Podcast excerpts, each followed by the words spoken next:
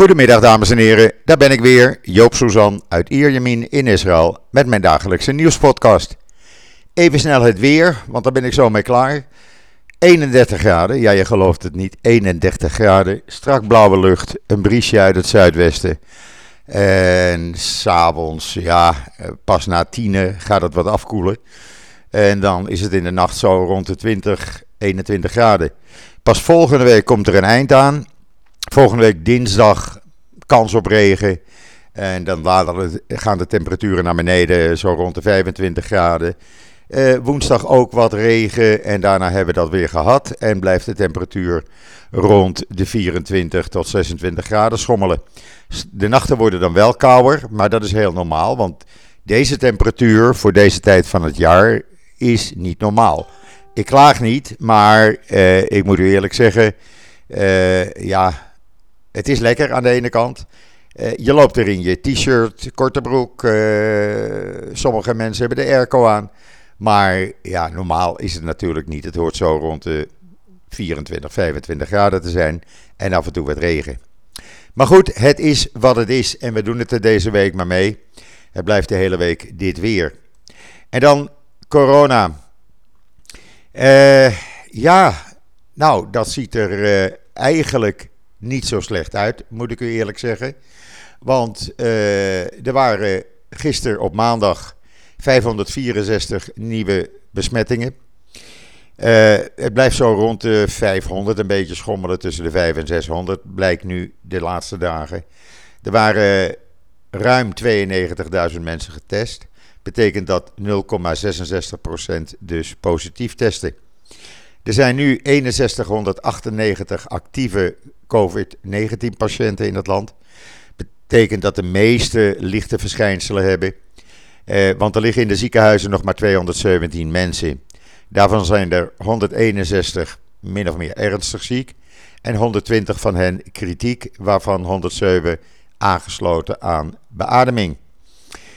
Eén persoon is overleden in de afgelopen 24 uur, zodat we nu op 8124 doden staan door corona.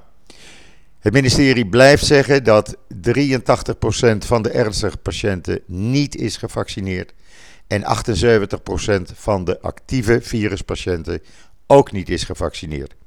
Dat blijkt ook duidelijk als je naar die grafiek kijkt die ik dagelijks in het artikel zet. Dus elke dag wordt die vernieuwd, twee keer per dag. En dan zie je ook de leeftijd uh, uh, waarop uh, men niet gevaccineerd is. En het aandeel daarin wat betreft zieken. Ondertussen hebben we hier natuurlijk ook van die ja, mensen die niet, tegen, die niet willen worden gevaccineerd. En die uiten allerlei bedreigingen, zoals ook gisteravond tijdens een live event daar was Dr. Sharon Alroy Prijs, het hoofd van Volksgezondheid van het ministerie. En tijdens de uitzending kreeg ze constant dreig messages, boodschappen. Zoals je bent een monster, je bent een heks, verdwijn van deze wereld. Nou ja, het loopt een beetje de spuigaten uit. En daar moet gewoon een eind aan komen, want dit kan niet. Dat het de spuigaten uitloopt, dat was al eerder bekend, want gisteren is besloten om de in principe openbare uh, bijeenkomst waarop uh, de experts in Israël woensdag gaan spreken over het wel of niet vaccineren voor kinderen. die wordt niet voor publiek toegankelijk, gesloten voor publiek vanwege de bedreigingen. Er is een, uh, in Nazareth, de Arabische stad Nazareth, is een kantoor van volksgezondheid met een granaat bestookt. Het gaat gewoon maar door en ja, het is een hele kleine groep. Uh, maar goed, ze maken op dit moment wel erg veel lawaai, moet ik u zeggen. Uh, en dan uh, hebben we op Israël nieuws, en dat sluit daar een beetje bij aan, een tekst, de tekst van de toespraak die president Herzog heeft uitgesproken vanmorgen tijdens de Haaretz Democratic Conference. En hij begint met te zeggen dat hij geen onheilsprofeet is. Maar hij ziet de ineenstorting van het openbare debat. Men wil niet meer luisteren. Men komt met vulgaire aanvallen, scheldwoorden. Uh, ja, uh, het is een heel verhaal. En hij wil dat daar een eind aan komt. En dat er op een normale manier met elkaar gediscussieerd kan gaan worden. aansluitend daarop, en ik denk dat hij daar eigenlijk op doelde. gisteren eiste premier Netanyahu uh, door middel uh, van 40 handtekeningen van Knessetleden dat premier Bennett in de Knesset verscheen. Uh, hij is ook verschenen, want hij, Netanyahu dus, beschuldigde Bennett ervan met zijn regering te onderhandelen over het vestigen van een terreurstaat in het hart van het land. Nou, Bennett zei er is geen sprake van. Wij verzetten ons tegen het Amerikaanse consulaat voor de Palestijnen in Jeruzalem. We zijn niet in onderhandeling met meneer Abbas. Uh, en er is helemaal geen sprake van wat voor vredesonderhandelingen dan ook.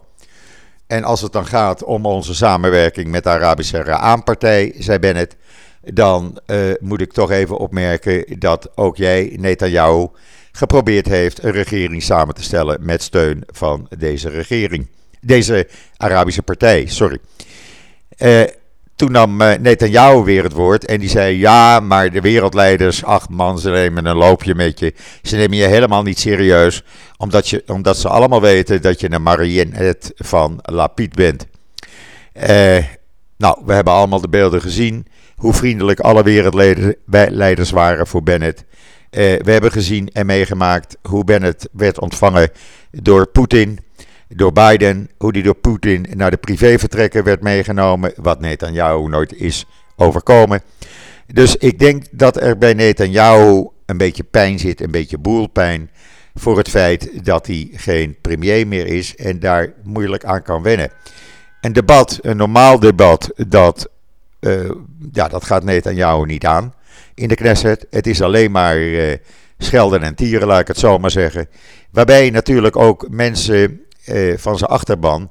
Uh, ja, die krijgt hij dan vanzelf wel mee natuurlijk. En die gaan hetzelfde doen op social media.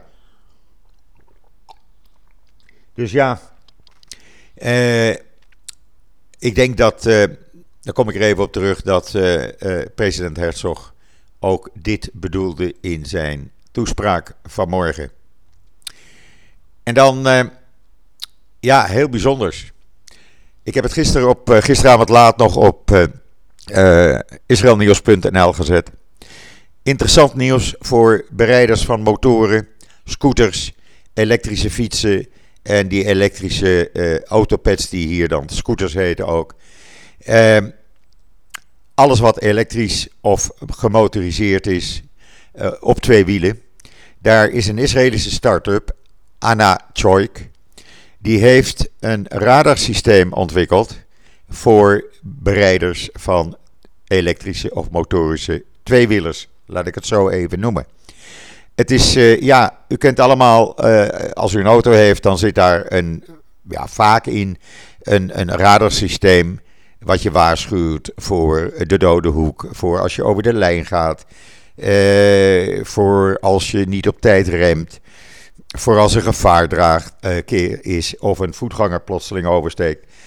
Dat soort systemen van Mobileye uit Israël, daar kun je het het beste mee vergelijken. En dat hebben zij nu ontwikkeld, een micro-radarplatform voor bereiders van elektrische of motorische tweewielers. Ze bieden, dat systeem biedt 360 graden actieve bescherming. Je krijgt hoorbare waarschuwingen door middel van piepjes over dreigingen eh, als er een dode hoek is, gevaar voor aanrijding van achteren, eh, voetgangers die plotseling willen oversteken, et cetera, et cetera. Het is een heel klein apparaatje, makkelijk eh, te installeren. En het eh, wordt nu uitgetest. En dat komt op januari op alle elektrische autopads of scooters, zoals het dan hier heet, van lijn.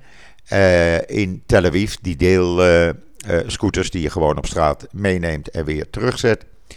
Ehm, en daarna gaat het in de verkoop en kunt u het ook bestellen. En het zal een, uh, een 100 eh, euro, rond de 100, 150 euro gaan kosten. Uh, motorverzekeringsmaatschappijen zullen waarschijnlijk dit systeem, als het blijkt dat ze daar enthousiast over zijn, ook gaan gebruiken. Ik heb bijvoorbeeld in mijn auto, en dat moest van de verzekering, een camera uh, zitten die uh, constant de laatste 4, 5 minuten opneemt. zodat bij eventuele problemen, een aanrijding of wat dan ook, makkelijk de schuldvraag is, te, bekend is. En het zou best eens kunnen zijn dat dit, ja, ik ben er zeker van, ook zo'n succes gaat worden. Lees het even op israelnieuws.nl. Er zit ook een video bij. Dan zie je precies hoe het werkt. En dan vanavond is in veel landen her, herdenking van de Kristalnacht. Eh, 9, de nacht van 9 tot 10 november 1938. Toen werden er uh, tijdens de pogroms in Duitsland 91 Joden vermoord. 1400 synagogen in Duitsland en Oostenrijk in de brand gestoken. Joodse bedrijven en winkels geplunderd en vernietigd. En daarna werden Joden gedwongen om compensatie te betalen voor al deze schade. En werden 30.000 Joden opgepakt en naar concentratiekampen gestuurd. Uh, Yad Vashem heeft een tentoonstelling die online is te zien. Uh, de link is in het artikel op israelnieuws.nl. U ziet dan getuigenissen van mensen die het meegemaakt hebben, video's. U ziet beelden van enorme schade. U ziet beelden van schade van Torah's, gebedsboeken, synagoges. Als u er tegen kan, ga even naar het artikel op Israël Nieuws en kijk even naar de link voor Yad Vashem. En dan vanmorgen heeft de Israëlische politie bekendgemaakt, en de foto is te zien op israelnieuws.nl, dat ze na een geheime undercover operatie van een jaar de grootste illegale wapennetwerk in de geschiedenis van de staat Israël hebben opgerold. Ze hebben 65 verdachten uit 25 verschillende plaatsen in Israël opgepakt, hoofdzakelijk Arabieren. Uh, ze hebben maar liefst, uh, even kijken, 48, uh, eh, eh, ze hebben 25 geweren, een mag machinegeweer, 7 Kalasnikovs, 13 soorten pistolen. Nou ja, uh, noem maar op, uh, hebben ze in beslag genomen. ze hebben smokkelroutes ontdekt. Hoe de wapenleveranties door het land gingen. en ook naar de Arabische sector. En onder die 65 verdachten waren een vader en zijn drie zonen. Die ja, eigenlijk een soort illegaal wapenhandel familiebedrijf hadden te zien en te lezen op israelnieuws.nl. En dan een leuk artikel, of leuk, ja, interessant vind ik het wel. En dat gaat over de banden uh, tussen uh, San Francisco, de Bay Area Council Economic Institute met Israël. Want Silicon Valley uh, en Silicon Wadi, zoals Israël wordt genoemd, ja, die hebben hele diepe banden. En dat zijn allebei high-tech centra. daar gebeurt het allemaal. En veel Israëlische bedrijven zitten daar ook. Nou, wat ze allemaal gaan doen, uh, kunt u lezen in het artikel op israelnieuws.nl. En daar ziet u ook dat tussen 2003 en 2021 103 Californische bedrijven maar liefst 22,4 miljard dollar hebben geïnvesteerd in Israëlische bedrijven. Dat is nogal wat. Uh, er zijn 140 eh, Israëlische bedrijven bijvoorbeeld in Silicon Valley. Die geven werk aan 6248 mensen. Uh, nou ja, het hele lijstje moet u zelf maar even lezen. Uh, de grootste bedrijven kennen we natuurlijk: Google, uh, Oracle, IBM, Cisco, nou ja, Intel, noem maar op. Over en weer alleen maar samenwerking. Hartstikke goed nieuws. En dan heeft de politie, Engelse politie, twee fans, ze noemen zich fans, van de voetbalclub West Ham United gearresteerd. Want die zaten in het vliegtuig onderweg weer terug naar Engeland met de rest van de supporters. En die vonden het nodig een ultra-orthodoxe man op uh, antisemitische liederen te trakteren. Nou, ze zijn opgepakt, ze zitten voorlopig vast en uh, zijn niet meer welkom bij West Ham United. Daarop aansluitend en het verbaast mij helemaal niet. En dat zal jullie ook niet verbazen, denk ik. Maar de EU heeft een rapport uitgebracht waarin staat dat antisemitisme tijdens de coronapandemie in Europa enorm is toegenomen. Nou, uh, ik heb u gisteren gezegd over die uh, directe message die ik kreeg van een Nederlandse Marokkaan. Die het nodig vond mij de meest verschrikkelijke ziektes toe te wensen. maar goed, als je dan kijkt dat bijvoorbeeld in Duitsland 44% meer antisemitisme incidenten voorkwamen tot nu toe tijdens de pandemie dan daarvoor. In Tsjechië 874 incidenten tegenover 694 uh, eh, in 2019. Ja, het blijft maar doorgaan en het zal voorlopig niet stoppen. Het komt ook in Nederland voor, helaas. En ik hoor van veel mensen dat het echt de spuigaten uitloopt. En dan vond een Franse teenager het nodig met een groot hakmes te gaan zwaaien bij een Joodse school in, net buiten Lyon. En daar riep hij ook antisemitische leuzen. Hij is opgepakt. Uh, hij noemde de leerlingen vuile Joden. dat kapmes was twee meter lang. En de jongen zit nu vast. Over antisemitisme gesproken. Het is echt. Het loopt werkelijk de spuigaten uit. En als de Europese leiders er niets aan doen, zal dit alleen nog maar erger worden. Echt, geloof me, als je in Nederland woont, heb je er misschien niet zo'n erg in. Je leest het eigenlijk niet. Maar als je buiten Nederland woont, dan kijk je met een bird's eye view op het land. En dan zie je dingen gebeuren waar je vroeger nooit bij stil hebt gestaan. Althans, zo zie ik het. Even een slokje water, want mijn mond is alweer droog. Um, ja, Syrië die beweert, want Israël gaat daar nooit op in, dat er gisteravond eh, drie aanvallen van uit Israël zijn geweest op doelen van Syrië en door Iran gesteunde milities. Nou, dat zal dan allemaal wel. Uh, we weten uh, dat Poetin met, of dat Bennett met Poetin heeft afgesproken dat Israël kan doorgaan. Poetin had daar geen problemen mee.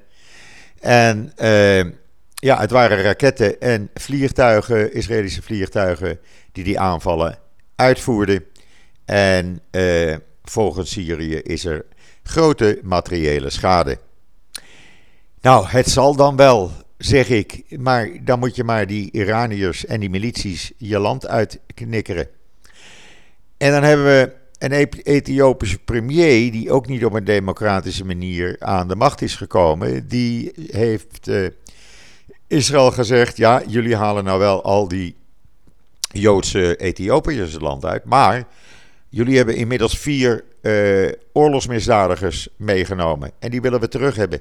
Die moet je maar uitleveren. Uh, nou, wat men heeft ontdekt is dat er een zestigtal, zestigtal Ethiopiërs bij zaten die niet Joods waren. Die, en die zullen ook teruggestuurd gaan worden. Uh, ja, uh, nou is er een beetje ruzie binnen de regering. Want de minister van Alia, zelf van Ethiopische afkomst, die zegt: ja, we moeten die mensen eruit halen, want zo goed gaat het daar niet in Ethiopië met die oorlog.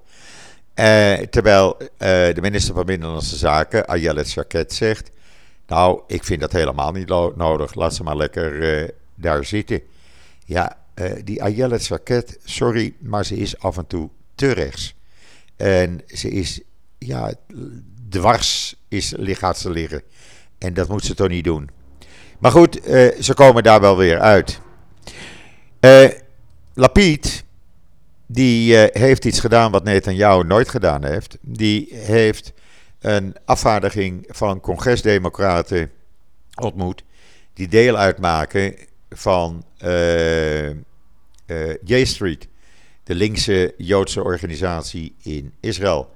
Dat is voor het eerst dat een uh, hooggeplaatst Israëlische minister deze groep heeft ontmoet, heeft ontvangen. Netanyahu wou dat nooit. niet van J Street, wel democratische congresleden, maar bewust democratische congresleden van J Street ontmoeten. Ja, uh, net uh, Lapid bedankte ze voor het ondersteunen uh, om te zorgen dat er nieuwe raketten kwamen voor de Iron Dome. En hij heeft gesproken over het versterken van de relatie tussen Amerika en Israël. Nou, is natuurlijk heel goed. je hebt niks aan bonje in de tent, dus prima. En ter afsluiting, en ik ben daar echt niet verbaasd over mensen.